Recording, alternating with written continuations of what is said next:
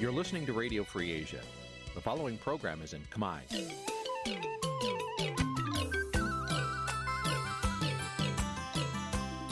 Nǐ chi càm bi tiệp xáy vệt chiu a zì sê ray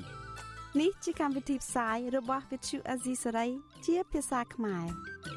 វត្តឈូអាស៊ីសេរីសូមស្វាគមន៍លោកអ្នកនាងទាំងអស់ពីរដ្ឋធានី Washington នៃសហរដ្ឋអាមេរិក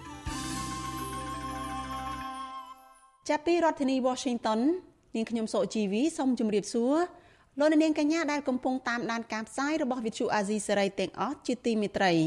យើងខ្ញុំសូមជូនកម្មវិធីផ្សាយសម្រាប់ព្រឹកថ្ងៃច័ន្ទ3រោចខែបុស្សឆ្នាំខាលចត្វាស័កពុរសករាជ2566ត្រូវនៅថ្ងៃទី9ខែមករាគ្រិស្តសករាជ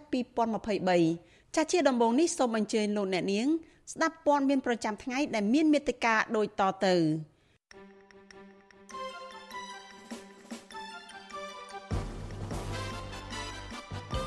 អ្នកជំនាញថារដ្ឋាភិបាលគួររឹតបន្តឹងភ្ញៀវទេសចរមកពីប្រទេសចិនខណៈប្រទេសនេះកំពុងផ្ទុះជំងឺ Covid-19 សាជាថ្មីក្រមយុវជនស្នើអ្នកនយោបាយប្រកួតប្រជែងគ្នាប្រកបដោយការយោគយល់ជាជាងចង់កម្ចាត់គូប្រជែងថ្ងៃ7ខែមករាឆ្នាំ2023ជាខួប1ឆ្នាំដែលលោកហ៊ុនសែនបរាជ័យលើការដោះស្រាយវិបត្តិនៅភូមា ពលរដ្ឋមួយចំនួននៅខេត្តបៃលិនត្អូញត្អែពីភាពកខ្វក់នៃគំនរសម្រាមប៉ះពាល់សុខភាពរួមនឹងព័ត៌មានសំខាន់សំខាន់មួយចំនួនទៀតចាជាបន្តទៅទៀតនេះនាងខ្ញុំសុជីវីសូមជូនព័ត៌មានទីនេះពិស្ដាចាលោកនាងជាទីមេត្រីអ្នកជំនាញសុខាភិបាលនិងមន្ត្រីសង្គមស៊ីវិលព្រួយបារម្ភថាកម្ពុជាអាចនឹងផ្ទុះជំងឺ Covid-19 ជាថ្មីទៀត ខណៈរដ្ឋាភិបាលលោកហ៊ុនសែនបើកចំហជើងមេឃទទួលយកភ្ញៀវទេសចរចិនឲ្យចូលមកកម្ពុជាដោយគ្មានវិធានការត្រួតពិនិត្យតឹងរឹងក្នុងគ្រាប្រទេសនេះកំពុងផ្ទុះជំងឺរាតត្បាតនេះជាថ្មីទៀតចាអ្នកនាំពាក្យក្រសួងទេសចរអះអាងថាទេសចរចិន គឺជាគោលដៅទីផ្សារសេដ្ឋកិច្ចជាតិហើយរដ្ឋាភិបាលនឹងគ្មានវិធានការតឹងរឹងសម្រាប់ជនជាតិចិនទាំងនោះទេចាលោកជីវតារាយការណ៍អំពីរឿងនេះ អ្នកជំនាញផ្នែកសុខាភិបាលប្រមានថាប្រសិនបើមានការរីករាលដាលជំងឺ Covid-19 ជាថ្មីទៀតនោះកម្ពុជាអាចនឹងប៉ះពាល់សេដ្ឋកិច្ចជាតិនិងការរស់នៅរបស់ប្រជាពលរដ្ឋប្រចាំថ្ងៃកាន់តែធ្ងន់ធ្ងរប្រធានសមាគមគ្រូពេទ្យគុណធម៌កម្ពុជា លោកអ៊ូចវុធីប្រាប់វិទ្យុអាស៊ីសេរីនៅថ្ងៃទី8មករាថារដ្ឋាភិបាលស្វាគមន៍ទេសចរចិនឲ្យចូលកម្ពុជាក្នុងគោលដៅជំរុញសេដ្ឋកិច្ចជាតិគឺជារឿងល្អប្រសើរ ប៉ុន្តែលោកស្នើដល់រដ្ឋាភិបាល គួរតែចាត់វិធានការតឹងរឹងលើផ្នែកសុខាភិបាលចំពោះភ្ញៀវទេសចរចិនខណៈក្នុងប្រទេសចិនកំពុងផ្ទុះការរាតត្បាតជំងឺ Covid-19 សាជាថ្មី ទន្ទឹមគ្នានេះលោកក៏រំលឹកដល់ប្រជាពលរដ្ឋខ្មែរត្រូវតែបន្តប្រុងប្រយ័ត្ននិងការពារខ្លួនជាប្រចាំតាមរយៈការពាក់ម៉ាស់លាងសម្អាតដៃព្រោះថាជំងឺនេះនឹងមិនងាយសាបរលាបនោះទេ អ្នកជំនាញផ្នែកសុខាភិបាលរូបនេះ ផ្ដល់អនុសាសន៍ថារដ្ឋាភិបាលគួរចាត់មន្ត្រីជំនាញផ្នែកសុខាភិបាល ដាក់ពង្រាយតាមច្រកព្រំដែនជើងទឹក ជើងគោកនិងច្រកប្រលានយន្តហោះនៅកម្ពុជាដើម្បីត្រួតពិនិត្យនិងធ្វើតេស្តរហ័សលើភ្ញៀវទេសចរអន្តរជាតិជាពិសេសជនជាតិចិនមុននឹងអនុញ្ញាតឲ្យពួកគេចូលមកកម្ពុជា លោកយល់ថាវិធានការបែបនេះពុំមែនជាការរឹតបន្តឹងនោះទេប៉ុន្តែគឺដើម្បីបង្ការនិងទប់ស្កាត់ ដើម្បីកុំឲ្យជំងឺដ៏គ្រោះថ្នាក់នេះរីករាលដាលឆ្លងចូលដល់ប្រជាពលរដ្ឋខ្មែរតែប៉ុណ្ណោះ។ ការពារប្រសើរជាងព្យាបាលរៀបប្រព័ន្ធការពារតាមច្រកព្រំដែនហ្នឹងត្រូវពិនិត្យគាត់ទី1រកមើលកាតវ៉ាក់សាំងគាត់មើលប៉ាសពតគាត់បើសិនជាគាត់មានអាហ្នឹងហើយយើងអត់អាចរុញគាត់ចេញមកបានទេត្រូវធ្វើចិត្តតាលេស័កហ្នឹងដើម្បីឲ្យគាត់នៅប្រហែលថ្ងៃព្យាបាលឲ្យគាត់ធ្វើតេស្តទៅឃើញអត់មានអាហ្នឹងបានគេឲ្យគាត់ចេញដើរលេងអញ្ចឹងគួរណាតែមន្ត្រីជំនាញក្រសួងសុខាភិបាលក្រសួងមហាផ្ទៃក្រសួងពាក់ព័ន្ធទាំងអស់ហ្នឹងមេត្តាដាក់គេហៅកលៀនដ្ឋានតាមច្រកព្រំដែនហ្នឹងការពារបងប្អូនប្រជាពលរដ្ឋយើងបើសិនជាបដោយចឹងកូវីដនឹងកើតមកស្រុកខ្មែរយើងហើយយើងប្រជាជនតិចចង់ងាប់ហ្នឹងតែងាប់អស់ចិនយួនមកនៅពេញស្រុកខ្មែរលើហ្នឹងតាក់មើលមើលការប្រមានរបស់អ្នកជំនាញផ្នែកសុខាភិបាលបែបនេះធ្វើឡើងក្រោយពីលោកនាយករដ្ឋមន្ត្រីហ៊ុនសែនព្រមទាំងមន្ត្រីហែហមរបស់លោកបានស្វាគមន៍យ៉ាងកក់ក្ដៅចំពោះភ្ញៀវទេសចរចិនចូលកម្ពុជាដោយគ្មានវិធានការតឹងរឹងលើផ្នែកសុខាភិបាលឡើយគណៈអង្គការសុខភាពពិភពលោកសហរដ្ឋអាមេរិកនិងប្រទេសជាច្រើនទៀត ព្រួយបារម្ភពីការរាតត្បាតជំងឺ Covid-19 ឡើងវិញគិតត្រឹមថ្ងៃទី8មករាប្រជាពលរដ្ឋចិនបានចាក់ចេញពីប្រទេសរបស់ពួកគេជាបណ្ដាបណ្ដាហើយបន្ទាប់ពីរដ្ឋាភិបាលក្រុងប៉េកាំងបើកប្រទេសឡើងវិញ នៅស្របពេលប្រទេសនេះកំពុងផ្ទុះជំងឺ Covid-19 សាជាថ្មីទស្សនាវដ្តីឈ្មោះ British Medical Journal របស់ប្រទេសអង់គ្លេសដកស្រង់ខ្លឹមសារនៃគំរូរបស់ក្រុមហ៊ុន Airfinity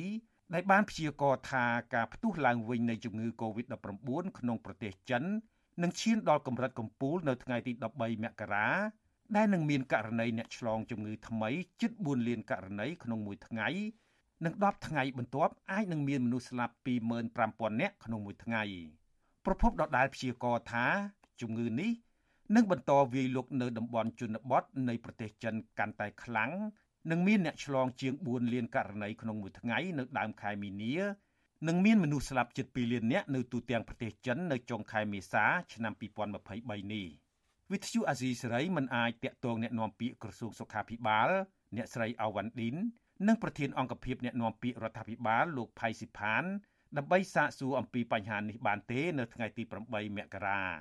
ប៉ុន្តែអ្នកនាំពាក្យក្រសួងទេសចរលោកតុបសុភ័ក្រប្រាប់វិទ្យុអាស៊ីសេរីថា កម្ពុជានឹងគ្មានវិធានការតឹងរឹងលើភ្ញៀវទេសចរចិនដោយបណ្ដាប្រទេសមួយចំនួននោះទេ លោកឲ្យដឹងទៀតថាសម្រាប់ឆ្នាំ2023ក្រសួងរំពឹងថានឹងទទួលបានភ្ញៀវទេសចរចិនពី30ម៉ឺនទៅ50ម៉ឺននាក់លើសពីនេះលោកបញ្ជាក់ថាកម្ពុជាក៏បានត្រៀមលក្ខណៈក្នុងការទទួលទេសចរចិននិងបានបង្កភាពងាយស្រួលដល់ភ្ញៀវទេសចររួចរាល់ហើយដែរ តាមរយៈបង្កើនអ្នកចេះភាសាចិននៅតាមកន្លែងស្នាក់នៅរបស់ជនជាតិចិននិងលើកទឹកចិត្តភ្ញៀវទេសចរចិនឲ្យចាយវាយប្រាក់យ័ន្តក្នុងតំបន់មួយចំនួននៅកម្ពុជាទៀតផង។ ចំពោះលក្ខខណ្ឌសុខាភិបាលឬក៏លក្ខខណ្ឌអ្វីផ្សេងៗគឺយើងមិនមានតម្រូវទេមានន័យថាកម្ពុជារបស់យើងយើងបើកទូលាយអត់មានលក្ខខណ្ឌតម្រូវអីទេគឺគ្រប់ទេសចរដែលធ្វើដំណើរចូលមកកម្ពុជាគាត់ធ្វើដំណើរមកបានដូចមុន COVID-19 អញ្ចឹងទៅឡែកកន្លងទៅនៅក្នុងយុទ្ធសាស្ត្រទទួលទេសចរចិត្តហ្នឹងក៏មានការសំណូមពរឲ្យមានការចាយប្រាក់យ័ន្តដែរប៉ុន្តែវាមិនមែនថាគ្រប់កន្លែងទាំងអស់ទេអាចថាខ្លះដែលគាត់ទេសចរចិនដែលគាត់មកស្នាក់នៅកន្លែងដែលគាត់ហូបចុកហ្នឹងយើងលើកទឹកចិត្តឲ្យនៅក្នុងការទទួលយកប្រាក់ជាន់បីងាយស្រួលធ្វើដំណើរមកកម្ពុជាទន្ទឹមគ្នានេះលោកនាយករដ្ឋមន្ត្រីហ៊ុនសែនថ្មីថ្មីនេះក៏បានរិះគន់ប្រទេសមួយចំនួនដែលចាត់វិធានការរឹតបន្តឹងលើជនជាតិចិន ដែលត្រង់ចំណុចនេះលោកថាវាជាឱកាសសម្រាប់កម្ពុជាទៅវិញទេ ដែលរំពឹងថានឹងមានចំនួនទេសចរចិនកាន់តែច្រើនមកកម្ពុជា កាលពីអំឡុងឆ្នាំ2019 ភ្ញៀវទេសចរចិនមកលេងកម្ពុជា មានចំនួន2លាន3សែននាក់គិតជាទឹកប្រាក់ប្រមាណជិត2000លានដុល្លារជុំវិញរឿងនេះប្រធានមជ្ឈមណ្ឌលប្រជាពលរដ្ឋដើម្បីអភិវឌ្ឍនិងសន្តិភាព លោកយ៉ងកំឯងយល់ឃើញថារដ្ឋាភិបាលគួរតែសិក្សាឲ្យបានស៊ីជម្រៅនៃរបាយការណ៍អន្តរជាតិនានាមុននឹងទទួលភ្ញៀវទេសចរចិនដោយគ្មានការត្រួតពិនិត្យឬធ្វើតេស្តរហ័សក្នុងការត្រួតពិនិត្យជំងឺ Covid-19 បែបនេះ។ ពិតមែនហើយថាណាយើងបើកចំហចូលទេសចរវាអាចនាំមកនៅសេដ្ឋកិច្ចមួយផ្នែកប៉ុន្តែបើសិនជាទេសចរនឹងនាំមកនៅហានិភ័យនៃ COVID-19 អានឹងគឺធ្វើឲ្យអាជីវកម្មសេវាកម្មអ្នកដែលរស់ស៊ីតូចតាចអាចបិទទ្វារសាយជាថ្មីអាចរដ្ឋាភិបាលនឹងមានវិធានការដើម្បីទប់ស្កាត់ COVID-19 សាយជាថ្មីហើយធ្វើឲ្យវិស័យសេដ្ឋកិច្ចរបស់យើងនឹងកាន់តែដើរថយក្រោយទៅវិញទៀតនេះគឺហានិ21ផងដែរបាទទាំងសុខភាពសាធារណៈទាំងបញ្ហាសេដ្ឋកិច្ចក៏យើងជួបទាដែរពេលនោះបាទអង្គការសុខភាពពិភពលោក WHO សហរដ្ឋអាមេរិកនិងប្រទេសជាច្រើនទៀត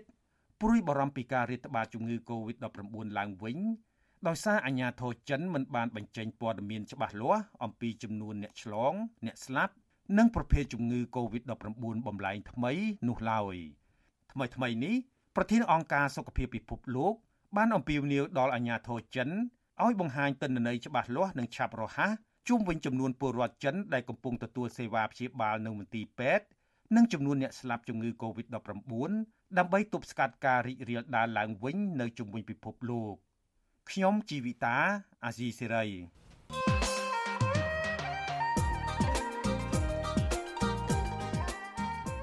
បាទលោកនាងកញ្ញាប្រិមម្នាក់ស្ដាប់ជាទីមេត្រី សាធារណរដ្ឋប្រជាមានិតចិនបានប្រជែងបង្កើនឥទ្ធិពលមកលើកម្ពុជាលើគ្រប់វិស័យគួរឲ្យកត់សម្គាល់ក្នុងឆ្នាំ2022កន្លងទៅ ស្របពេលដែលកម្ពុជាធ្វើជាប្រធានបដូវវេនអាស៊ាន ជាក់ស្ដែងក្រៅពីវិស័យនយោបាយនិងសេដ្ឋកិច្ចប្រទេសនេះបានពង្រីកឥទ្ធិពលមកលើវិស័យយោធាឬការពារជាតិនិងវិស័យអប់រំតាមរយៈសកម្មភាពលេចធ្លោមួយចំនួន ក្នុងនោះមានដូចជាការចេញមុខជួយកម្ពុជា ធ្វើទំនើបកម្មកំពង់ផែកងទ័ពជើងទឹករៀមដ៏ចម្រូងចម្រាសនិងការតម្រូវឲ្យក្រសួងអប់រំដាក់បញ្ចូលកម្មវិធីរៀនភាសាចិន សម្រាប់សិស្សចាប់ពីថ្នាក់ទី7ដល់ថ្នាក់ទី12ជាដើមតើចិនបានសម្រេចមហិច្ឆតាពង្រីកឥទ្ធិពលរបស់ខ្លួននៅកម្ពុជាយ៉ាងណាខ្លះនៅក្នុងឆ្នាំ2022កន្លងទៅនិងថាតើសាធារណរដ្ឋប្រជាមានិតចិន មានមហិច្ឆតាយ៉ាងណាខ្លះទៀតមកលើកម្ពុជា ក្នុងឆ្នាំ2023នេះ បាទនេះគឺជាប្រធានបទដែលយើងនឹងលើកយកមកជជែកពិភាក្សានៅក្នុងនេតិវេទិកាអ្នកស្ដាប់ Visual C សេរីនៅយប់ថ្ងៃអង្គារទី10ខែមករាប៉ះសិនបើលោកអ្នកនាងចាប់អារម្មណ៍ចង់ចូលរួមដាក់ជាសំណួរឬបញ្ចេញមតិយោបល់សូមអញ្ជើញលោកអ្នកនាងដាក់ឈ្មោះនិងលេខទូរស័ព្ទរបស់លោកអ្នកនាងនៅក្នុងប្រអប់ខ្ទង់ comment នៃការផ្សាយផ្ទាល់របស់ Visual C សេរីនៅលើបណ្ដាញសង្គម Facebook និង YouTube នៅក្នុងកម្មវិធីផ្សាយផ្ទាល់របស់យើងនាពេលនោះ ក្រុមការងាររបស់យើងនឹងតាក់ទងទៅលោកអ្នកនាង ដើម្បីចូលរួមដាក់ជាសំណួរនិងបញ្ចេញមតិនៅក្នុងនេតិវេទិកាអ្នកស្ដាប់ Visual C ស្រី បាទសូមអរគុណ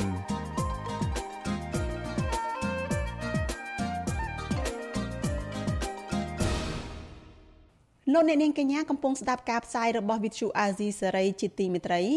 ចាប់បន្តទៅទៀតនេះជាសេចក្តីរីកាតាក់ទងនឹងនយោបាយក្នុងស្រុក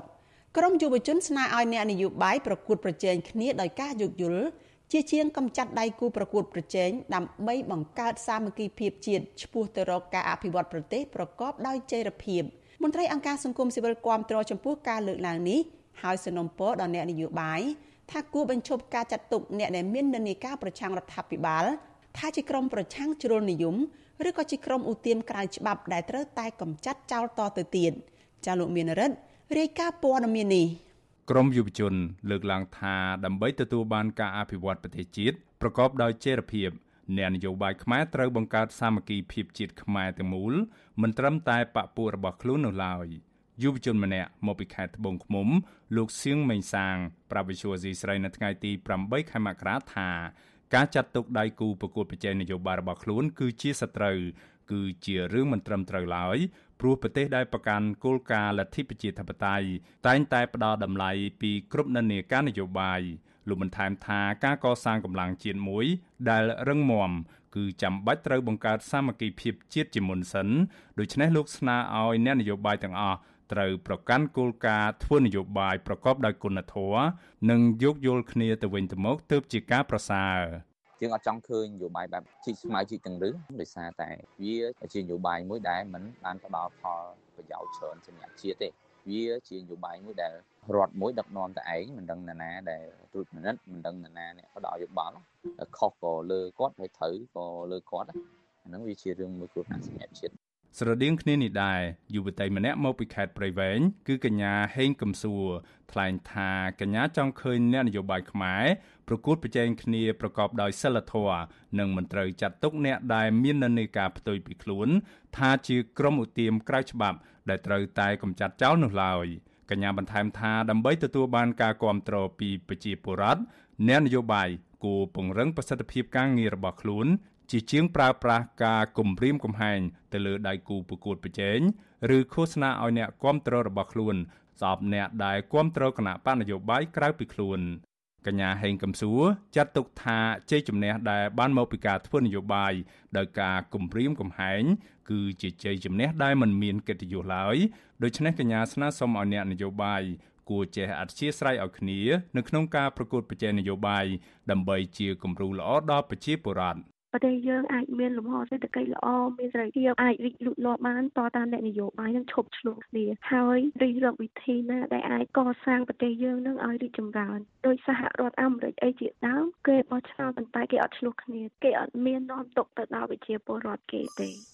ក្រមយុវជនចាត់ទុកថាការចាត់ទុកអ្នកដែលមាននានាការផ្ទុយពីរដ្ឋាភិបាល ថាជាក្រមប្រឆាំងជ្រុលនិយមឬជាក្រមឧទាមក្រៅច្បាប់របស់អ្នកនយោបាយជាន់ខ្ពស់បង្ហាញថាអ្នកនយោបាយទាំងនោះគ្មានគុណធម៌នោះឡើយ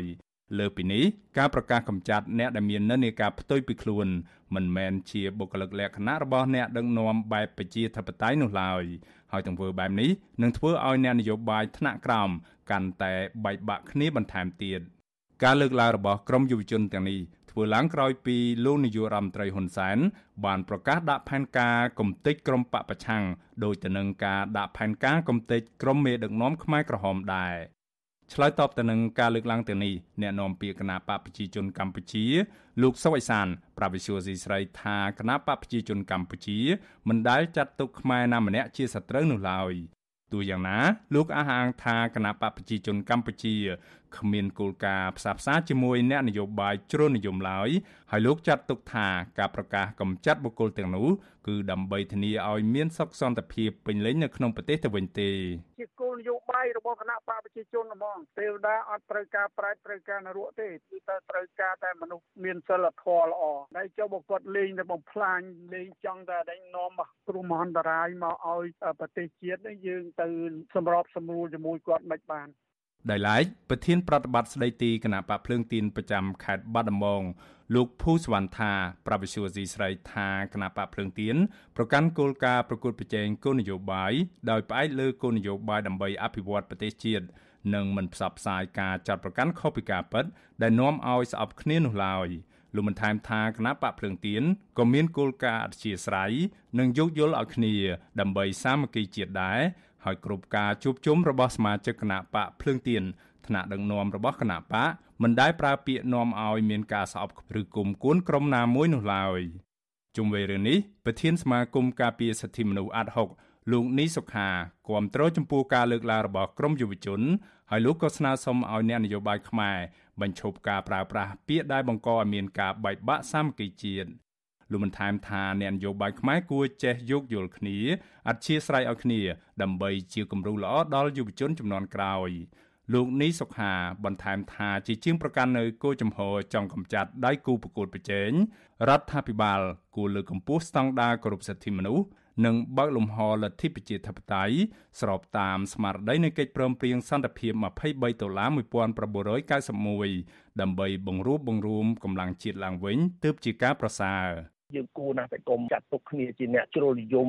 ឬក៏ជាអ្នកឧទាមក្រៅច្បាប់អីអានោះវាធ្ងន់ធ្ងរណាស់ពីព្រោះថាអ្នកណាដែលមិនដើរតាមនយោបាយឬក៏គណៈបកកណ្ដាលអំណាចមិនសบายចិត្តសិតតែអ្នកឧទាមក្រៅច្បាប់សិតតែអ្នកជ្រុលនិយមសិតតែអ្នកអីអានោះខ្ញុំគិតថានេះវាមិនល្អទេបាទជាសញ្ញាមួយបង្ហាញអំពីការធ្វើឲ្យជាតិនឹងកាន់តែមានការបែកបាក់កាន់តែប្រេះឆាគ្នាទៅប្រេះឆាគ្នាទៅណាអញ្ចឹងសូមឲ្យអ្នកនយោបាយគ្រប់និន្នាការទាំងអស់ហ្នឹងគួរណាស់តែចេះប្រើប្រាស់ភាសាមួយ ដែលកុំឲ្យធ្វើឲ្យមានការបែកបាក់ក្នុងដំណើរជាតិសាសន៍យើងពីព្រោះថាវាវាមិនស្របទៅនឹងស្មារតីនៃរដ្ឋធម្មនុញ្ញដែលជាច្បាប់កំពូលនឹងទេអ្នកវិភាគនយោបាយយល់ឃើញថាគណៈបកប្រជាជនកម្ពុជា ដែលដឹកនាំដោយលោកនាយរដ្ឋមន្ត្រីហ៊ុនសែននឹងមិនទទួលយកការផ្សះផ្សានយោបាយមុនការបោះឆ្នោតឡើយព្រោះលោកមិនចង់ឲ្យមានវត្តមានលោកសំរាស៊ីឬលោកកឹមសុខា ចូលរួមនៅក្នុងសង្វៀននយោបាយនោះទេដើម្បីឲ្យលោកមានភាពងាយស្រួលនៅក្នុងការផ្ទេរអំណាចទៅឲ្យកូនប្រុសច្បងរបស់លោកគឺលោកហ៊ុនម៉ាណែតអ្នកវិភាគនយោបាយយល់ថាការចាត់ទុកក្រុមដែលមាននិន្នាការផ្ទុយពីរដ្ឋាភិបាល ថាជាក្រុមជ្រុលនិយមឬក្រុមឧទាមក្រៅច្បាប់ ដែលត្រូវតែកម្ចាត់ចោលនោះគឺជាការធ្វើនយោបាយដោយគ្មានគុណធម៌ដែលមិនគួរប្រើប្រាស់នៅក្នុងលទ្ធិប្រជាធិបតេយ្យនោះឡើយពួកគេស្នើសុំឲ្យរដ្ឋាភិបាល គួរលើកកម្ពស់ការគោរពសិទ្ធិមនុស្សនិងបើកលំហប្រជាធិបតេយ្យឡើងវិញដើម្បីផ្សះផ្សារវាងអ្នកនយោបាយជាជាងប្រើប្រាស់នៅពាក្យសម្ដីដែលនាំឲ្យអ្នកនយោបាយថ្នាក់ក្រោមស្អប់គ្នាខ្ញុំបានមេរិត Visual C ស្រីរាយការណ៍ពីរដ្ឋធានី Washington លោកនាងកញ្ញាប្រិយមិត្តជាទីមេត្រីសេចក្តីរាយការណ៍ពីប្រទេសថៃឯណោះឲ្យដឹងថាមន្ត្រីគណៈបកកាន់អំណាចខិតខំពង្រីកការគ្រប់គ្រងរបស់ខ្លួននៅក្នុងប្រទេសថៃ ដោយបញ្ចុះបញ្ចូលឲ្យអ្នកគាំទ្រនិងពលករខ្មែរដឹងគុណថ្នាក់ដឹកនាំរដ្ឋាភិបាលឯកបកដែលបានរំដោះប្រទេសកម្ពុជាគេចផុតពីរបបវាលពិឃាត ថ្ងៃទី7ខែមករាឆ្នាំ1979ប៉ុន្តែពលករខ្មែរនៅក្នុងប្រទេសថៃថាថ្ងៃ7មករាគឺជាថ្ងៃដែលប្រទេសវៀតណាមបានមកលុកលុយប៉ុនប៉ងគ្រប់គ្រងប្រទេសកម្ពុជាចាលោកសនច័ន្ទរដ្ឋារាយការណ៍ព័ត៌មាននេះអ្នកនាំពាក្យក្រសួងការងារលោកហ៊ីនស៊ូ កាលពីថ្ងៃទី5ខែមករាបាននាំក្រុមការងារចុះជួបគណៈកម្មាធិការគណៈបកប្រជាជនកម្ពុជាប្រចាំប្រទេសថៃបានធ្វើពិធីជប់លៀងធំមួយដើម្បីរំលឹកខួប44ឆ្នាំនៃការបង្កើតរណសិរ្សសាមគ្គីសង្គ្រោះជាតិកម្ពុជាថ្ងៃទី2ខែធ្នូឆ្នាំ1978ភ្ជាប់ជាមួយថ្ងៃ7មករាការជួបជុំនឹងក្រុមអង្គរនេះក្នុងគោលបំណងគៀកោយុវជន និងពលករខ្មែរឲ្យឈប់មានទស្សនៈអវិជ្ជមានមកលើរដ្ឋាភិបាលឯកបកក្នុងពិធីជួបជាមួយអ្នកគ្រប់គ្រងនិងពលករខ្មែរ ប្រមាណ500នាក់ក្នុងស្ថានភាពមួយនៅក្រុមអង្គរលោកហេងស៊ូក៏បានលើកសរសើរពីទិវាជ័យជំនះរបស់មេដឹកនាំកម្ពុជាសពថ្ងៃមាននាយករដ្ឋមន្ត្រីហ៊ុនសែនជាដើមដែលបានផ្ដួលរំលំរបបកម្ពុជាប្រជាធិបតេយ្យរបស់លោកប៉ុលពតក្រោយពីបង្កើតរណសិរ្សសាមគ្គីសង្គ្រោះជាតិកម្ពុជាបាន35ថ្ងៃគឺថ្ងៃទី7ខែមករាឆ្នាំ1979កន្លងមកប្រធានក្រុមការងារយុវជនគណបកប្រជាជនកម្ពុជាប្រចាំខេត្តសមុទ្រប្រការបានចុះផ្សព្វផ្សាយពីគោលនយោបាយរបស់គណបកដល់ពលករខ្មែរ ហើយបានអូសទាញយុវជនឲ្យចូលរួមជាមួយគណបកកណ្ដាលអំណាចដោយវិធីលួងលោមផ្ដំមុខតំណែងនិងពិធីជប់លៀងក្នុងអាហារដ្ឋានទំនើបជាដើមក្រៅពីខេត្តនេះក៏មានតំបន់ច្រាមផ្សេងទៀតដែលក្រមយុវជនគណបកប្រជាជនកម្ពុជាស្វែងរកការគ្រប់គ្រងពីពលករខ្មែរនៅប្រទេសថៃដោយខេត្តរយងខេត្តស្រែកែវខេត្តឈុនបុរីនិងក្រុងផាត់យាជាដើមដោយប្រើវិធីសាស្ត្រដូចដូចគ្នាគឺអូទាញលូនលោមទិនទឹកចិត្តដោយផ្ដល់មុខតំណែងដល់ពួកគេជាដើម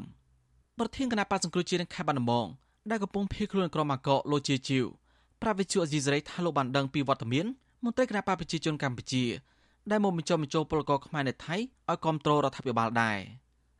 លោកបាននឹងច្បាស់ថាកម្ពុជាពិតជាឆ្លងផុតពីរបបកាប់សម្លាប់របស់ខ្មែរក្រហមពិតប្រាកដមែនក៏ប៉ុន្តែត្រង់ថាថ្ងៃ7មករាជាថ្ងៃកំណើតទី2របស់ប្រជាកម្ពុជាមិនពិតទេដោយសារថ្ងៃនោះជាថ្ងៃដែលវៀតណាមឈ្លានពានកម្ពុជា ថ្ងៃ7មករាមានតែគណៈបកកណ្ដាលអំណាចទេដែលគាត់បានប្រើប្រាស់ទិវានឹងធ្វើឧបករណ៍សម្រាប់ការពារនិងរក្សាអំណាចរបស់គាត់ហើយជាការដឹងគុណដល់គណៈបកគាត់និងប្រទេសវៀតណាមហើយអ្នកដែលដឹងគុំថាឡាពលរដ្ឋតែមនុស្សចាស់សំបីតែយុវជនក៏គាត់ដឹងអំពីរឿងនេះដែរបាទស្រដៀងគ្នានេះពលករម្នាក់ទៀតដែលធ្វើការសំណងនៅប្រទេសថៃជាង10ឆ្នាំលោកមុចមុលក៏សម្គាល់ថាបកកណ្ដាលអំណាច មិនដែលបង្វែរពលករខ្មែរឈប់ខ្វល់ខ្វាយរឿងជាតិបានទេបើទោះបីជារដ្ឋាភិបាលប្រើលុយទិញទៅចិត្តពលករយ៉ាងណាក្តីលោកថាប្រទេសវៀតណាមប្រុងលេបតបាក់កម្ពុជាយូរមកហើយគ្មានហេតុផលណាមួយ ដែលគេសុកចិត្តលើតបមករំដោះកម្ពុជានោះទេលោកបន្ថែមថាវៀតណាមពិតជាប៉ុនប៉ងលេបប្រសពកម្ពុជាទាំងមូលដោយយកលេសនាំតបមករំដោះហើយបរិវត្តកម្ពុជាមិនត្រូវដឹងគុណ7មករាដោយការឃោសនារបស់គណៈបកប្រជាជនកម្ពុជានោះទេ អឺខ្ញុំគិតថា7មករានេះគឺជាថ្ងៃគេមកឈានទានបងគេមិនមិននៅម៉ូដរំដោះកម្ពុជាយើងទេតែសម័យនេះខ្ញុំមិនស្លាប់ឮចាស់ចាស់គាត់និយាយដែរថាពួក7មករានេះគឺជាថ្ងៃដែលយួនគាត់បានមកទានទានយើងការដែលគណៈបកប្រជាជនកម្ពុជាមករកការគ្រប់គ្រងបន្ថែមពីពលករខ្មែរនៅប្រទេសថៃអាចដោយសារតែគណៈបកកណ្ដាលអំណាចខ្លាយកម្លាំងពលករនៅទីនោះរួមជាមួយគណៈបកប្រឆាំងក្នុងពេលបោះឆ្នោតជ្រើសតាំងតំណាងរាស្ត្រនៅខែកក្កដាឆ្នាំនេះ តកតងបញ្ហានេះប្រធានអង្គភិបអ្នកនាំពាក្យរដ្ឋាភិបាលលោកផៃសិផានប្រាប់វិទ្យុអេស៊ីសេរីថាថ្ងៃ7មករាផ្ដល់ជីវិតថ្មីដល់ប្រជាកម្ពុជារហូតបណ្ដាប្រជាខ្មែរអាចទៅរស់នៅក្រៅប្រទេសបានទៀតផងគឺអាស្រ័យដល់គេ7មករាបានយើងមានអ្នកទៅនៅខាងក្រៅប្រទេសនិងនៅក្នុងប្រទេសហើយគេបានយើងកសាងសម្រាប់សម្រួលរហូតដល់នយោបាយឈ្នះឈ្នះរក្សាបានសន្តិភាពជូនប្រជាពលរដ្ឋបន្ទាប់ពីបានរស់រានមានជីវិតជុំវិញរឿងនេះ សមាជិកក្រុមយុវជនខ្មែរថាវរៈលោកហ៊ុនវណ្ណៈលើកឡើងថាបរដ្ឋាភិបាលបំភ្លេចប្រវត្តិសាស្ត្ររបស់ខ្លួនហើយពន្យល់បរដ្ឋទៅរឿងបន្លំនឹងឲ្យនាំគ្រោះថ្នាក់ដល់ប្រទេសជាតិនៅពេលខាងមុខ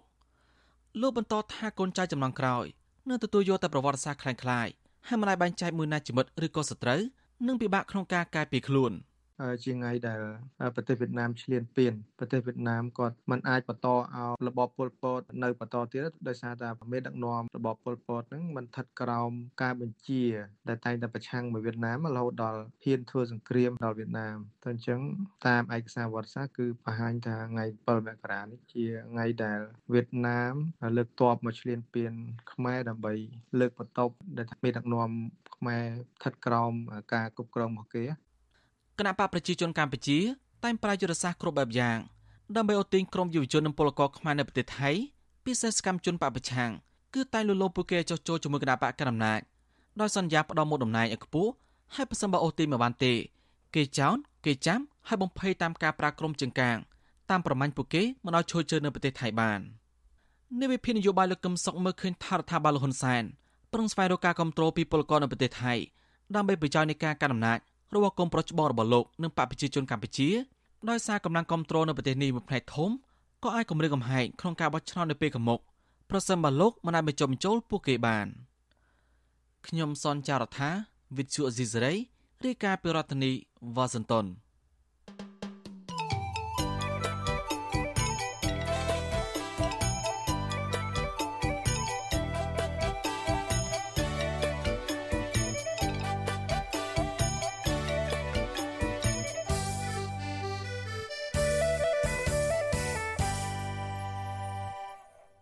ចាលោកនាងកញ្ញាជាទីមេត្រីលោកអ្នកកំពុងតែតាមដានការផ្សាយរបស់វិទ្យុអាស៊ីសេរីផ្សាយចេញពីរដ្ឋធានី Washington សហរដ្ឋអាមេរិកពលរដ្ឋមួយចំនួនរស់នៅឯស្រុកសាឡាក្រៅខេត្តបៃលិនបារម្ភពីសុខភាពខណៈរងផលប៉ះពាល់ពីទីលានចាក់សំរាមថាមានក្លិនស្អុយមានសត្វរុយជាច្រើនខុសពីធម្មតាហើរចូលទៅក្នុងភូមិមន្ត្រីសង្គមស៊ីវិលយល់ថាអាជ្ញាធរជំនាញពាក់ព័ន្ធគួរចុះត្រួតពិនិត្យនិងរកដំណោះស្រាយច្បាស់លាស់ ទៅតាមសំណើរបស់ពលរដ្ឋហើយរកវិធីទប់ស្កាត់កុំឲ្យមានជំងឺឆ្លងផ្សេងផ្សេងប៉ះពាល់ទៅដល់សុខភាពរបស់ពលរដ្ឋនៅក្នុងតំបន់ចាលោកនាងនឹងបានស្ដាប់សេចក្តីរាយការណ៍នេះពិស្ដានៅក្នុងការផ្សាយរបស់យើងនៅពេលបន្តិចទៀតនេះ។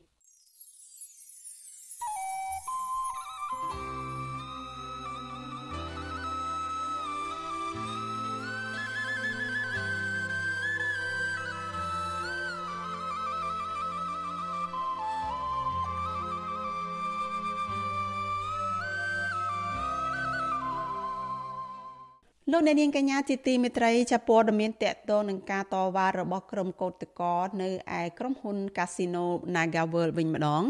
ក្រុមកោតកោ NagaWorld ជិត100នាក់បាននាំគ្នាចេញតវ៉ាបន្តទៀតកាលពីថ្ងៃទី8ខែមករាម្សិលមិញនៅខាងមុខក្រុមហ៊ុន NagaWorld ដោយទាមទារឲ្យតុលាការដោះលែងកញ្ញាឈឹមស៊ីធនិងឲ្យក្រុមហ៊ុនផ្ដាល់ដំណោះស្រាយការងារដែលវិវាទនេះបានអូសបន្លាយជាង1ឆ្នាំមកហើយ។ តំណាងកោតតកម្នាក់កញ្ញាម៉ែនសុធីវឌ្ឍនៈប្រាប់វិទ្យុអាស៊ីសេរីកាលពីថ្ងៃទី8ខែមករាថាក្រុមកោតតកនាំគ្នាចែកពេញប៉ោងដើម្បីផ្ញើសារទៅដល់សាធារណជនឲ្យបានដឹងពីវិវាទការងារនេះនិងផ្ញើសារដល់រដ្ឋាភិបាលឲ្យដោះលែងកញ្ញាឈឹមស៊ីធទម្លាក់បទចោទលើតំណាងកោតតកទាំងអស់យើងធ្វើបដិការឲ្យសម្ដែងគាត់ដឹងលើរឿងយើងហើយគាត់ទុកធ្វើបរិយាកាសឲ្យចូលទៅចរចាដោះស្រាយចំណាប់ទៀតនោះគាត់តែយ កអឺច្បាប់ក្នុងជាប់តែអឺកាក់របស់យើងទៅបានបញ្ចប់ហើយកញ្ញាបន្តទៀតថាដោយសារតែការចរចាច្រើនលើកមិនបានទទួលដំណោះស្រាយធ្វើឲ្យពួកគាត់ប៉ះពាល់ជីវភាពជាខ្លាំងមានអ្នកខ្លះបង្ខំចិត្តរកការងារក្រៅម៉ោងធ្វើដើម្បីជួយដោះទាល់និងបានផ្លាស់ប្ដូរគ្នាមកធ្វើកោតកម្មព្រោះពួកគាត់មិនអាចទ្រទ្រង់ជីវភាពគ្រួសារបាននោះទេកញ្ញាម៉ែនសុធីវឌ្ឍនៈអះអាងទៀតថារៀងរាល់ថ្ងៃនេះ ក្រុមកោតក្រនៅតែទទួលការគម្រាមកំហែងពីសំណាក់ជនស្លៀកពាក់ស៊ីវិលដោយជិះម៉ូតូតាមពួកគេទៅដល់ផ្ទះនិងគម្រាមចាប់ពួកគេដាក់គុកជាដើម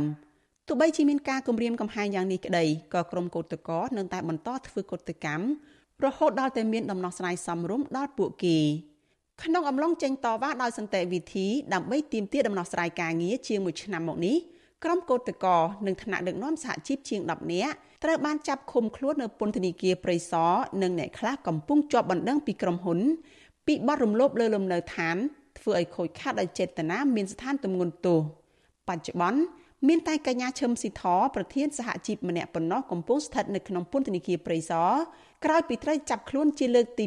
2លោកអ្នកនាងកញ្ញាប្រិយមិត្តជាទីមេត្រីចាព័ត៌មានតកតងនឹងកោតកោ Nagavel នេះដែរ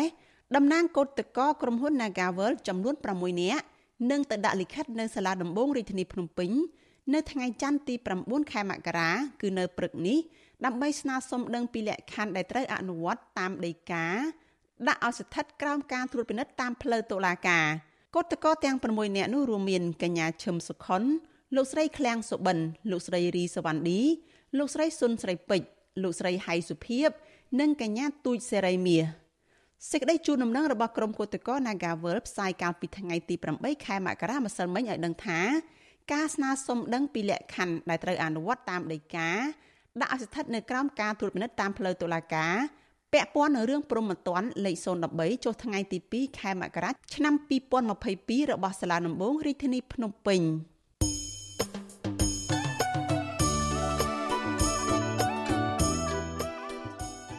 លោកអ្នកនាងកញ្ញាជាទីមេត្រីដំណើរគ្នានឹងស្ដាប់ការផ្សាយរបស់ Vithu Azizi Serai តាមបណ្ដាញសង្គម Facebook និង YouTube លោកអ្នកនាងក៏អាចស្ដាប់ការផ្សាយរបស់ Vithu Azizi Serai តាមរយៈ Vithu រលកធាតុអាកាសខ្លីឬ SW តាមកម្រិតនិងកម្ពស់ដូចតទៅនេះពេលព្រឹកចាប់ពីម៉ោង5កន្លះដល់ម៉ោង6កន្លះតាមរយៈ post SW 9.39 MHz ស្មើនឹងកម្ពស់ 32m និង post SW 11.85 MHz ស្មើនឹងកម្ពស់ 25m ពេលយប់ចាប់ពីម៉ោង7កន្លះដល់ម៉ោង8កន្លះតាមរយៈ post SW 9.39 MHz ស្មើនឹងកម្ពស់ 32m និង post SW 11.88 MHz ស្មើនឹងកម្ពស់ 25m និង post SW 15.15 MHz ស្មើនឹងកម្ពស់ 20m ចលនានាងកញ្ញាប្រិយមិត្តជាទីមេត្រីចាស់ក្រុមអ្នកតាមដានកិច្ចការអន្តរជាតិលើកឡើងថាថ្ងៃ7ខែមករានេះគឺជាខួប1ឆ្នាំគត់ដែលលោកហ៊ុនសែនបរាជ័យលើផែនការដំណោះស្រាយវិបត្តិនយោបាយនៅភូមាលោកនាយរដ្ឋមន្ត្រីហ៊ុនសែនក្នុងនាមជាប្រធានបដូវវេនអាស៊ានកាលពីឆ្នាំ2022បានបដិញ្ញាថានឹងស្វែងរកដំណោះស្រាយដើម្បីឲ្យកិច្ចប្រជុំកំពូលអាស៊ាន មានប្រទេស10ចូលរួមឡើងវិញមិនមែនមានតែ9ប្រទេសនោះទេ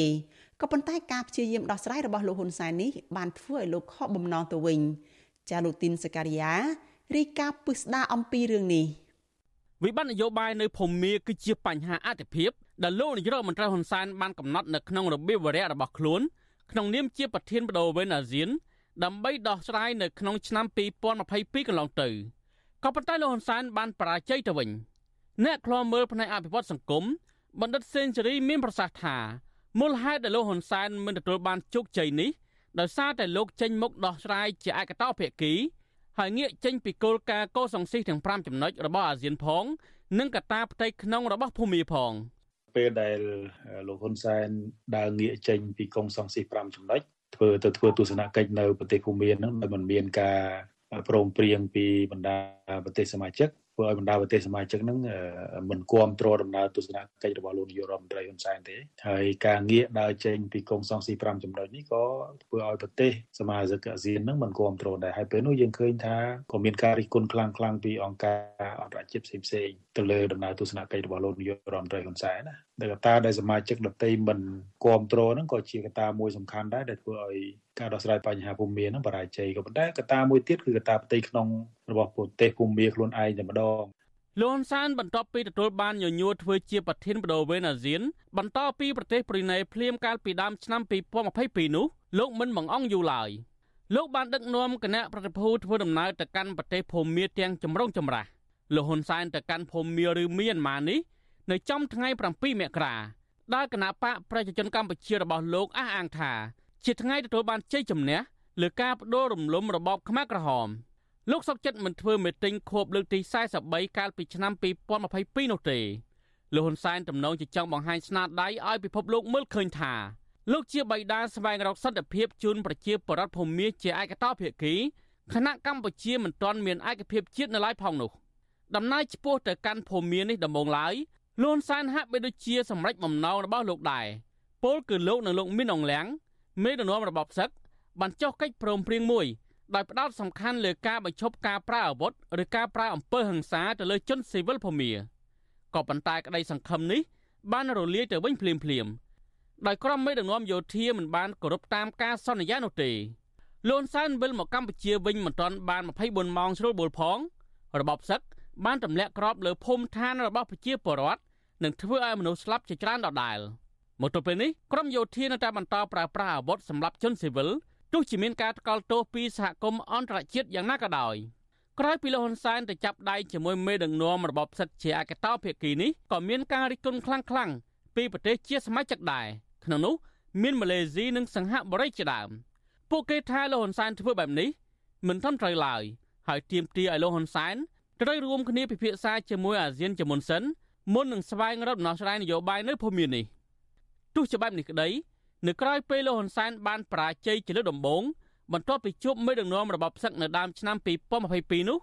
ក្រោយមកលោកបានអញ្ជើញមេតបភូមាទៅធ្វើទស្សនកិច្ចនៅកម្ពុជា ដើម្បីរឹតចំណងមិត្តភាពវិស័យយោធានៃប្រទេសទាំងពីរបន្ថែមពីនេះលោកហ៊ុនសែនក៏ព្យាយាមបញ្ចុះបញ្ចូលប្រទេសជាសមាជិកអាស៊ានដទៃទៀតដើម្បីចង់ឲ្យក្រុមមេដឹកនាំរបបសឹក បានមកចូលរួមនៅក្នុងកិច្ចប្រជុំនានារបស់អាស៊ានទៀតផងទោះជាលោកហ៊ុនសែនព្យាយាមបញ្ចុះបញ្ចូលបែបណាក៏ដោយក៏មិនអាចសម្រេចផែនការនេះបានដែរប្រទេសម៉ាឡេស៊ីឥណ្ឌូនេស៊ីនិងសិង្ហបុរីជាដើមនៅតែប្រកាន់ចំហដាច់ណាត់មិនឲ្យក្រុមមេដឹកនាំរបបសឹកចូលរួមនៅក្នុងកិច្ចប្រជុំនានារបស់អាស៊ានបានឡើយគឺអនុញ្ញាតត្រឹមតែតំណាងរបស់ភូមាមិនមែនជាអ្នកនយោបាយ ដោយសម្លឹងមើលឃើញថាការព្យាយាមដោះស្រាយវិបត្តិនៅភូមាជាឯកតោភាគីមិនទទួលបានជោគជ័យនោះលោកហ៊ុនសែនក៏ងាកមកប្រកាន់ចំហអាស៊ានវិញ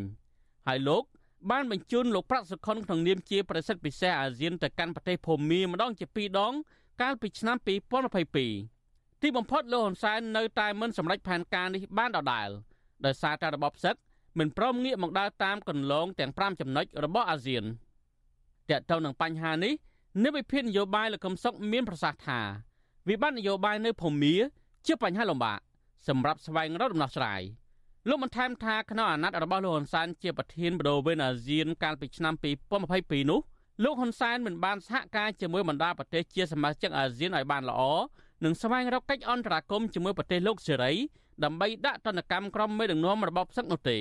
ផ្ទុយទៅវិញ លោកកឹមសុខអះអាងថាលោកហ៊ុនសែនហាក់មានទំនាក់ទំនងល្អជាមួយមេដឹកនាំរបបសឹកលើវិស័យយោធាទៅវិញ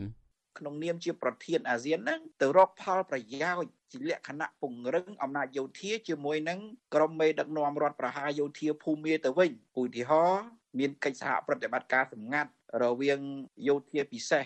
របស់លោកហ៊ុនសែនហើយនឹងមីនអ៊ុងលៀងហើយលោកហ៊ុនសែនដើរបញ្ច្រាស់ចរន្តអាស៊ានទាំងមូលដោយប្រឹងទាញឲ្យអាស៊ាននឹង ទទួលស្គាល់រដ្ឋប្រហារដោយសារតែលោកហ៊ុនសែននឹងគាត់មានស្នាមរបួសជាមេដឹកនាំរដ្ឋប្រហារដែរណាចាប់តាំងពីរបបសឹកធ្វើរដ្ឋប្រហារទម្លាក់រដ្ឋាភិបាលស្របច្បាប់របស់អ្នកស្រីអង្សានសូជីកាលពីខែកុម្ភៈឆ្នាំ2021មករបបសឹកបានសម្លាប់ជនស៊ីវិលជាង2000នាក់តឡាការបានកាត់ទោសប្រហារជីវិតសកម្មជនដែលប្រឆាំងនឹងខ្លួនចំនួន4នាក់និងចាប់មនុស្សប្រមាណជា15000នាក់ផ្សេងទៀតដាក់ពន្ធនាគារ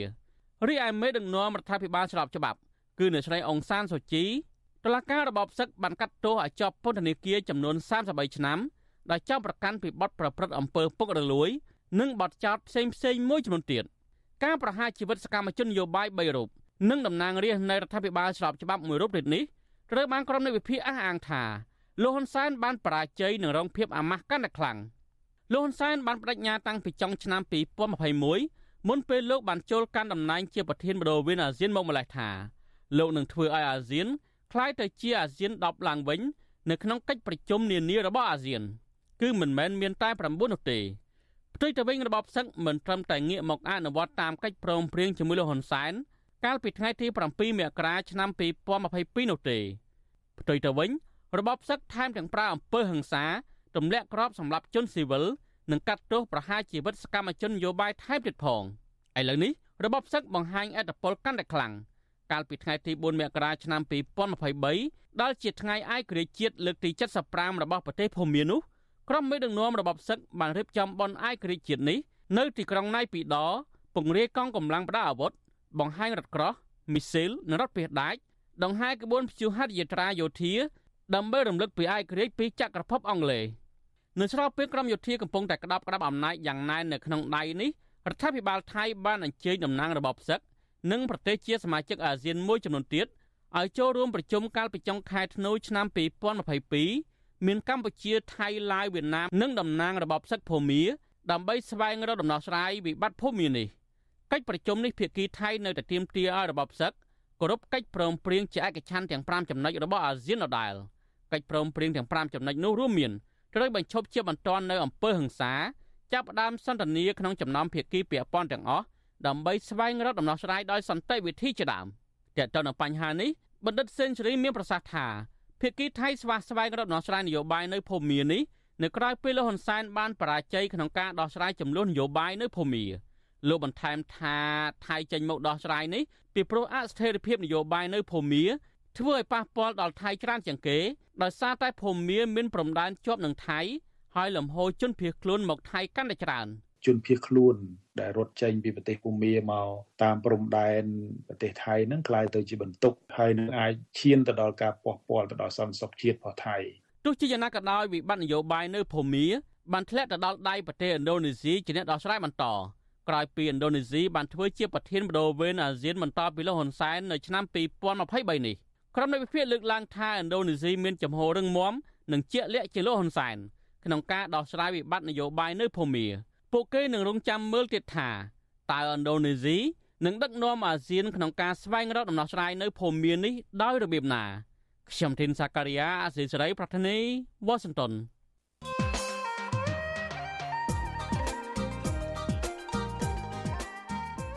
បាឡូណានាងកញ្ញាប្រិមម្នាក់ស្ដាប់ជាទីមេត្រី សាធារណរដ្ឋប្រជាមានិតចិន បានប្រជែងបង្កើនឥទ្ធិពលមកលើកម្ពុជាលើគ្រប់វិស័យគួរឲ្យកត់សម្គាល់ក្នុងឆ្នាំ2022កន្លងទៅស្របពេលដែលកម្ពុជាធ្វើជាប្រធានបដូវវេនអាស៊ាន ជាក់ស្ដែងក្រៅពីវិស័យនយោបាយនិងសេដ្ឋកិច្ចប្រទេសនេះបានពង្រីកឥទ្ធិពលមកលើវិស័យយោធាឬការពារជាតិនិងវិស័យអប់រំតាមរយៈសកម្មភាពលេចធ្លោមួយចំនួន ក្នុងនោះមានដូចជាការចេញមុខជួយកម្ពុជា ធ្វើទំនើបកម្មកំពង់ផែកងទ័ពជើងទឹករៀមដ៏ចម្រូងចម្រាសនិងការតម្រូវឲ្យក្រសួងអប់រំដាក់បញ្ចូលកម្មវិធីរៀនភាសាចិន សម្រាប់សិស្សចាប់ពីថ្នាក់ទី7ដល់ថ្នាក់ទី12ជាដើមតើចិនបានសម្រេចមហិច្ឆតាពង្រីកឥទ្ធិពលរបស់ខ្លួននៅកម្ពុជាយ៉ាងណាខ្លះនៅក្នុងឆ្នាំ2022កន្លងទៅនិងថាតើសាធារណរដ្ឋប្រជាមានិតចិន មានមហិច្ឆតាយ៉ាងណាខ្លះទៀតមកលើកម្ពុជា ក្នុងឆ្នាំ2023នេះ បាទនេះគឺជាប្រធានបទដែលយើងនឹងលើកយកមកជជែកពិភាក្សានៅក្នុងនេតិវេទិកាអ្នកស្ដាប់ Visual C សេរីនៅយប់ថ្ងៃអង្គារទី10ខែមករាប្រសិនបើលោកអ្នកនាងចាប់អារម្មណ៍ចង់ចូលរួមដាក់ជាសំណួរឬបញ្ចេញមតិយោបល់សូមអញ្ជើញលោកអ្នកនាងដាក់ឈ្មោះនិងលេខទូរស័ព្ទរបស់លោកអ្នកនាងនៅក្នុងប្រអប់ខ្ទង់ comment នៃការផ្សាយផ្ទាល់របស់ Visual C សេរីនៅលើបណ្ដាញសង្គម Facebook និង YouTube នៅក្នុងកម្មវិធីផ្សាយផ្ទាល់របស់យើងនាពេលនោះ។ ក្រុមការងាររបស់យើងនឹងតាក់ទងទៅលោកអ្នកនាង ដើម្បីចូលរួមដាក់ជា សំណួរនិងបញ្ចេញមតិនៅក្នុងនេតិវេទិកាអ្នកស្ដាប់ Visual C ស្រី បាទសូមអរគុណ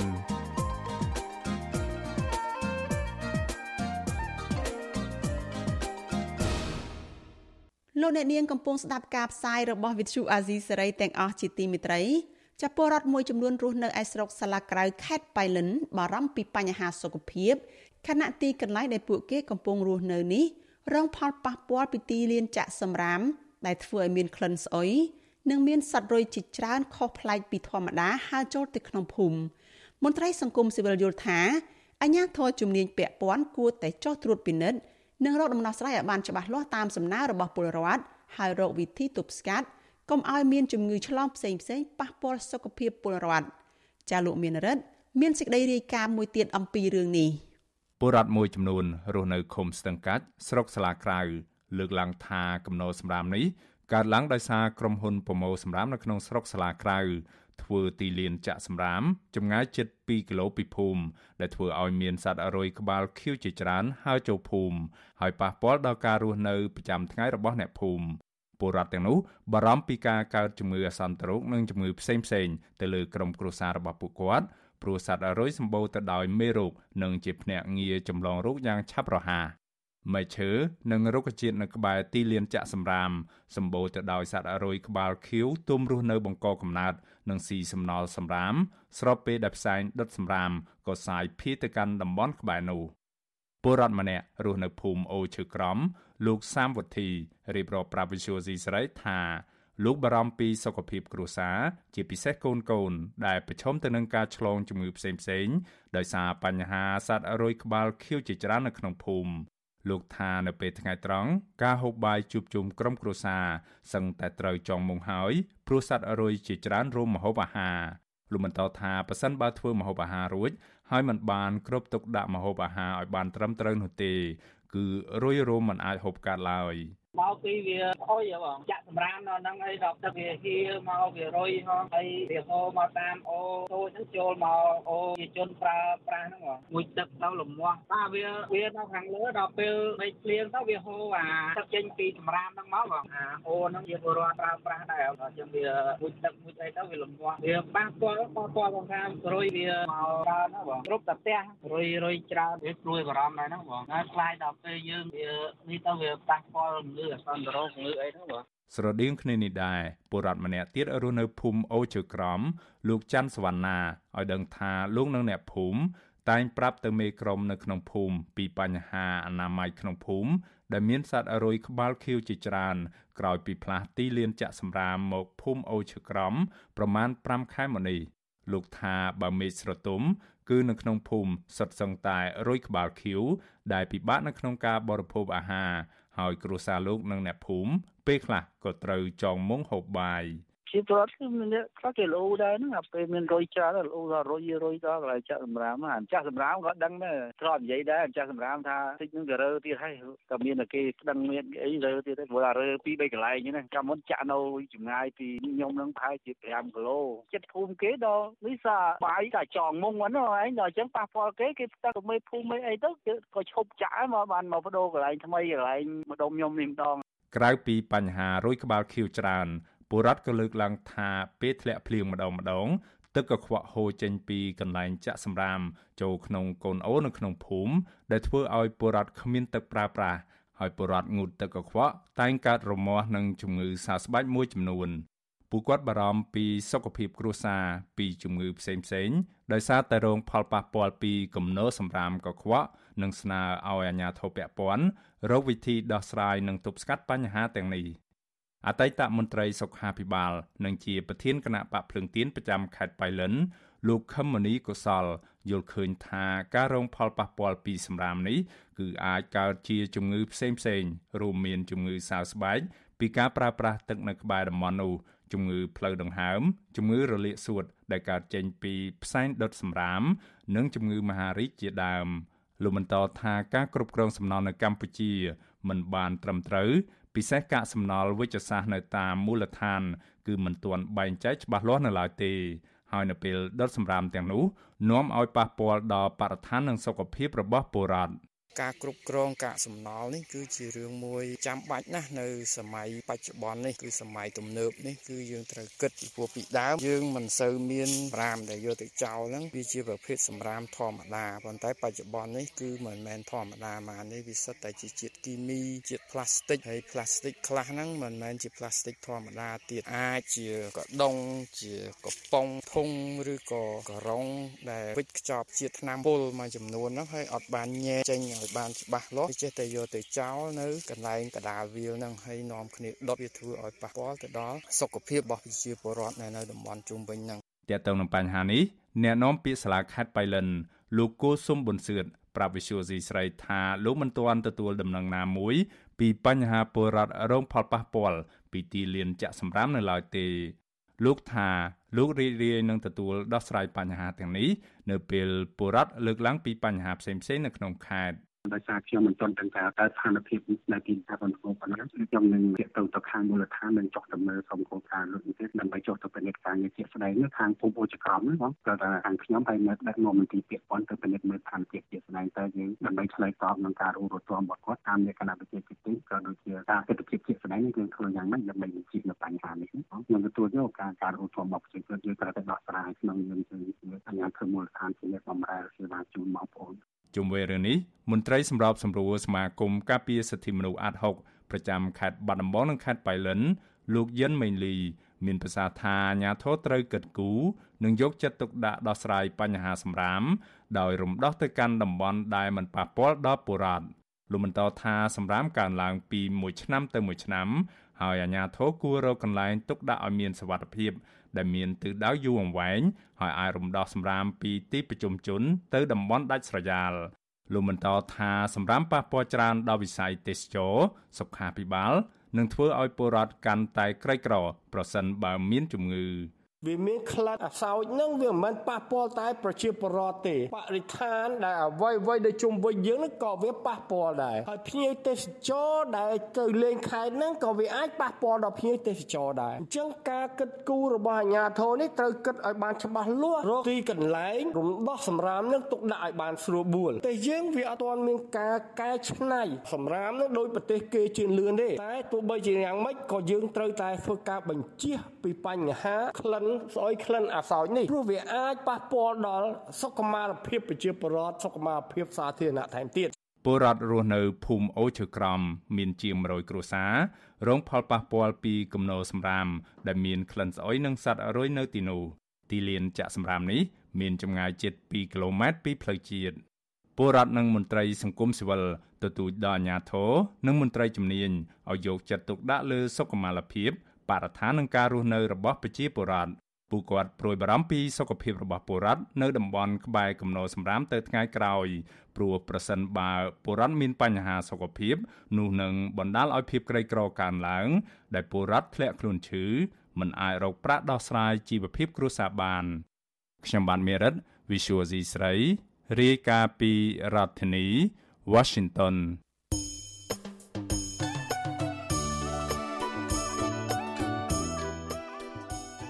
លោកអ្នកនាងកញ្ញាជាទីមេត្រីដំណើរគ្នានឹងស្ដាប់ការផ្សាយរបស់ Vithu Azizi សេរីតាមបណ្ដាញសង្គម Facebook និង YouTube លោកអ្នកនាងក៏អាចស្ដាប់ការផ្សាយរបស់ Vithu Azizi សេរីតាមរយៈ Vithu រលកធាតុអាកាសខ្លីឬ SW តាមកម្រិតនិងកម្ពស់ដូចតទៅនេះពេលព្រឹកចាប់ពីម៉ោង5កន្លះដល់ម៉ោង6កន្លះតាមរយៈ post SW 9.39 MHz ស្មើនឹងកម្ពស់ 32m និង post SW 11.85 MHz ស្មើនឹងកម្ពស់ 25m ពេលយប់ចាប់ពីម៉ោង7កន្លះដល់ម៉ោង8កន្លះតាមរយៈ post SW 9.39 MHz ស្មើនឹងកម្ពស់ 32m និង post SW 11.88 MHz ស្មើនឹងកម្ពស់ 25m និង post SW 15.15 MHz ស្មើនឹងកម្ពស់ 20m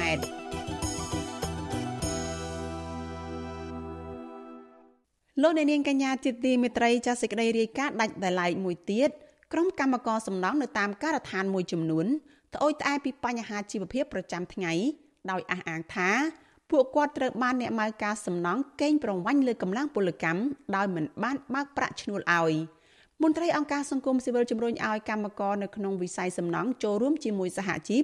និងស្នើឲ្យអាជ្ញាធរពាក់ព័ន្ធថាគួរតែដោះស្រាយបញ្ហានេះជូនកម្មករទៅតាមផ្លូវច្បាប់ ចាអ្នកស្រីស្ងួនអមរារាយការណ៍ពិស្ដារជំវិញព័ត៌មាននេះ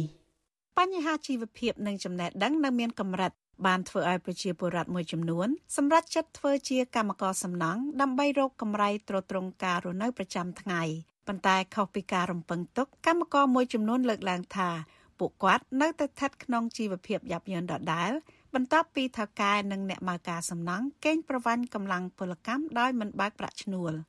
កម្មករសំណង់ផ្នែកបោកជញ្ជាំងក្នុងការដ្ឋានសាងសង់វីឡាមួយ នៅខេត្តបាត់ដំបង លោកព្រំរដ្ឋាប្រាប់វិទ្យុអាស៊ីសេរីថាលោកទទួលបានតម្លៃពលកម្មចំនួន40000រៀលក្នុងមួយថ្ងៃប៉ុន្តែជីវភាពនៅតែខ្វះខាតដោយសារអ្នកម៉ៅការមិនបើកប្រាក់ឈ្នួលឲ្យលោកឡើយលោកបញ្ជាក់ថាលោកនិងកម្មករដទៃទៀតបានជួបករណីកេងប្រវ័ញ្ចមួយនេះញឹកញាប់មកហើយដោយសារនៅការដ្ឋានសាងសង់ភ ieck ច្រើន មិនបានចុះកិច្ចសន្យាស្ដីពីលក្ខខណ្ឌការងាររវាងកម្មករនិងអ្នកម៉ៅការឬថៅកែឡើយ។ម្ចាស់ផ្ទះអីគេមិនអីទេភាកច្រើនដើម្បីការបានលុយគេអត់ឲ្យទៅទៅស្រុកទៅអីបាត់ក្រសួងរៀបចំដែនដីនគររូបនីយកម្មនិងសំណង់បានចេញរបាយការណ៍សិក្សាស្រាវជ្រាវទៅលើប្រាក់ចំណូលរបស់កម្មករនៅក្នុងវិស័យសំណង់កាលពីឆ្នាំ2019 បានកំណត់តម្លៃពលកម្មសម្រាប់កម្មករគ្មានជំនាញទទួលបានពី30,000រៀលទៅ40,000រៀលក្នុងមួយថ្ងៃកម្មករមានជំនាញនិងមេជាងទទួលបានពី40,000រៀលទៅ60,000រៀលក្នុងមួយថ្ងៃទោះជាយ៉ាងនេះក្តីកម្មករសំណង់មួយចំនួនអះអាងថាពួកគេនៅតែទទួលបានប្រាក់ឈ្នួលទាបក្រោម30,000រៀលក្នុងឆ្នាំ2023នេះ ពួកគេលើកឡើងថាស្របពេលដែលការងារសំណង់ជាប្រភេទការងារដែលត្រូវប្រើកម្លាំងពលកម្មច្រើន ហើយទទួលបានកម្រៃតិចនិងប្រឈមនឹងគ្រោះថ្នាក់ដល់ជីវិតផងនោះ ពួកគេមិនទទួលបានការធានារ៉ាប់រងអាយុជីវិតឡើយកម្មករសំណង់មួយទៀតនៅខេត្តបៃលិន គឺលោកយ៉ានធឿនឲ្យដឹងថាលោកបានធ្វើការក្នុងការដ្ឋានសាងសង់បរិយមួយកន្លែងដោយទទួលបានតម្លៃពលកម្ម 30000រៀលក្នុងមួយថ្ងៃឯប្រពន្ធលោកទទួលបាន22000រៀលក្នុងមួយថ្ងៃលោកបន្តថាថាកែមិនបានបើកប្រាក់ឈ្នួលឲ្យលោកនិងប្រពន្ធអស់រយៈពេល160ថ្ងៃមកហើយលោកថាដោយសារការកេងប្រវ័ញ្ចកម្លាំងពលកម្មពីអ្នកម៉ៅការសាងសង់បានធ្វើឲ្យលោកនិងកម្មករដទៃទៀតកាត់បន្ថយលើការចំណាយម្ហូបអាហារនិងការចំណាយដែលបណ្ដាលឲ្យលោកនិងកម្មករមួយចំនួនធ្លាក់ខ្លួនឈឺដោយសារខ្វះអាហារូបត្ថម្ភ ថ្ងៃមុនប្រពន្ធខ្ញុំឈឺខ្លាំងគាត់ទៅពេទ្យមួយថ្ងៃ3ដង ស្រែកថាបងសុំខ្ចីលុយ100000គាត់ថាមានទេឥឡូវឲ្យ50000មកចាយចាត់ប្រយ៉ែងទៅឲ្យចាយប្រយ័ត្នប្រយ៉ែងអញ្ចឹងណារបាយការណ៍របស់ក្រសួងរៀបចំដែនដីនគររូបនីយកម្មនិងសំណង់ឲ្យដឹងថាក្នុងឆ្នាំ2022 កម្មករនិយោជិតផ្នែកសំណង់នៅប្រទេសកម្ពុជា មានចំនួនប្រមាណពី250000នាក់ពាក់ព័ន្ធរឿងនេះ Vithu Azizi សេរីមិនអាចតាក់ទងแนะនាំពាក្យក្រសួងកាងារនិងបណ្ដុះបណ្ដាលវិជ្ជាជីវៈលោកហេងសួរបានទេនៅថ្ងៃទី6មករាសហជីពកម្មករសំណង់តែងលើកឡើងថាបច្ចុប្បន្នកម្មករសំណង់កំពុងប្រឈមបញ្ហាចំនួន3រួមមានបញ្ហាប្រាក់ឈ្នួលបញ្ហាគ្រោះថ្នាក់ការងារនិងប្រព័ន្ធគាំពារសង្គមដូចជាបានបសសជាដើម ប្រធានសមាគមប្រជាធិបតេយ្យឯករាជ្យនៃសេដ្ឋកិច្ចក្រៅប្រព័ន្ធលោកវ៉ាន់ពៅមើលឃើញថាកម្មករសំណង់នៅកម្ពុជា តែងតែប្រឈមនឹងការបោកប្រាស់ពីសំណាក់ថៅកែនិងអ្នកម៉ៅការដោយមិនបើកប្រាក់ឈ្នួលឲ្យពួកគេ ឬការបំពេញលក្ខខណ្ឌការងារលោកថាបញ្ហានេះដោះស្រាយទៅបានលុត្រាអាញាធរពពាន់ចុះទៅធ្វើអធិការកិច្ច ពិនិត្យមើលទៅតាមការដ្ឋាននីមួយៗពីការចុះបញ្ជី និងការគោរពលក្ខខណ្ឌនៃច្បាប់ការងារលើសពីនេះប្រព័ន្ធយុតិធម៌នៅកម្ពុជាត្រូវមានឆន្ទៈទទួលដោះស្រាយបណ្ដឹងពាក់ព័ន្ធនឹងការរំលោភសិទ្ធិការងារនិងការបោកប្រាស់ពីសំណាក់អ្នកម៉ៅការទៅលើក្រុមកម្មករផងដែរចំណុចសំខាន់មួយទៀតគឺកម្មករខ្លួនឯងចឹងដែរត្រូវតែចូលរួមជាមួយសហជីពដើម្បីធានានៅនិរន្តរភាពទាំងពីប្រាក់ឈ្នួលទាំងពីការបោកប្រាស់និងថែមទៀតផង ជុំវិញរឿងនេះប្រធានសមាគមការពារសិទ្ធិមនុស្សអាត6លោកនីសខាលើកឡើងថាកម្មករនយោជិតក្នុងវិស័យសំណង់មានសិទ្ធិប្តឹងថាកែឬអ្នកម៉ៅការដែលរំលោភបំពានសិទ្ធិការងារនិងមិនបើកប្រាក់ឈ្នួលឲ្យពួកគេ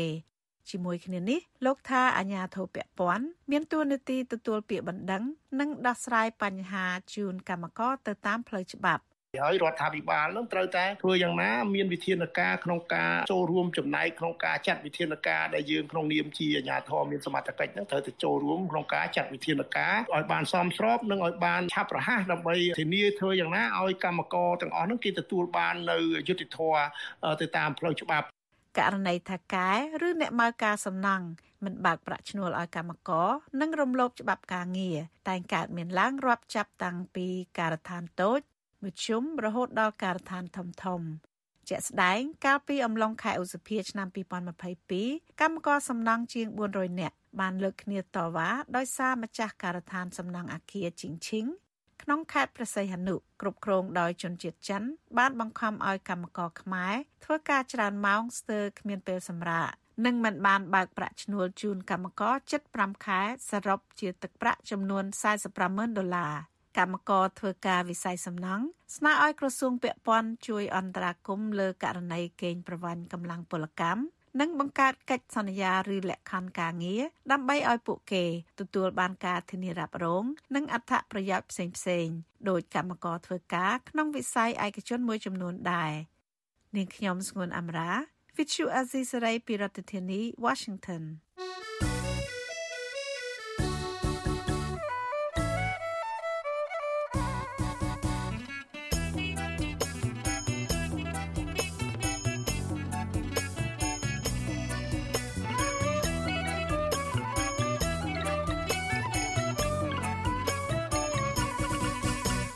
លោកអ្នកនាងកញ្ញាប្រិយមិត្តអ្នកស្ដាប់ជាទីមេត្រីចាការផ្សាយរយៈពេល1ម៉ោងរបស់វិទ្យុអាស៊ីសេរីជាភាសាខ្មែរនៅព្រឹកនេះចាប់ត្រឹមតែប៉ុណ្ណេះចានាងខ្ញុំសុជីវីព្រមទាំងក្រុមការងារទាំងអស់នៃវិទ្យុអាស៊ីសេរីចាសូមជូនពរដល់លោកអ្នកនាងកញ្ញានិងក្រុមគ្រួសារទាំងអស់ឲ្យជួបប្រកបតែនឹងសេចក្តីសុខចាសុភមង្គលនិងមានសុខភាពល្អចានាងខ្ញុំសូមអរគុណនិងសូមជម្រាបលា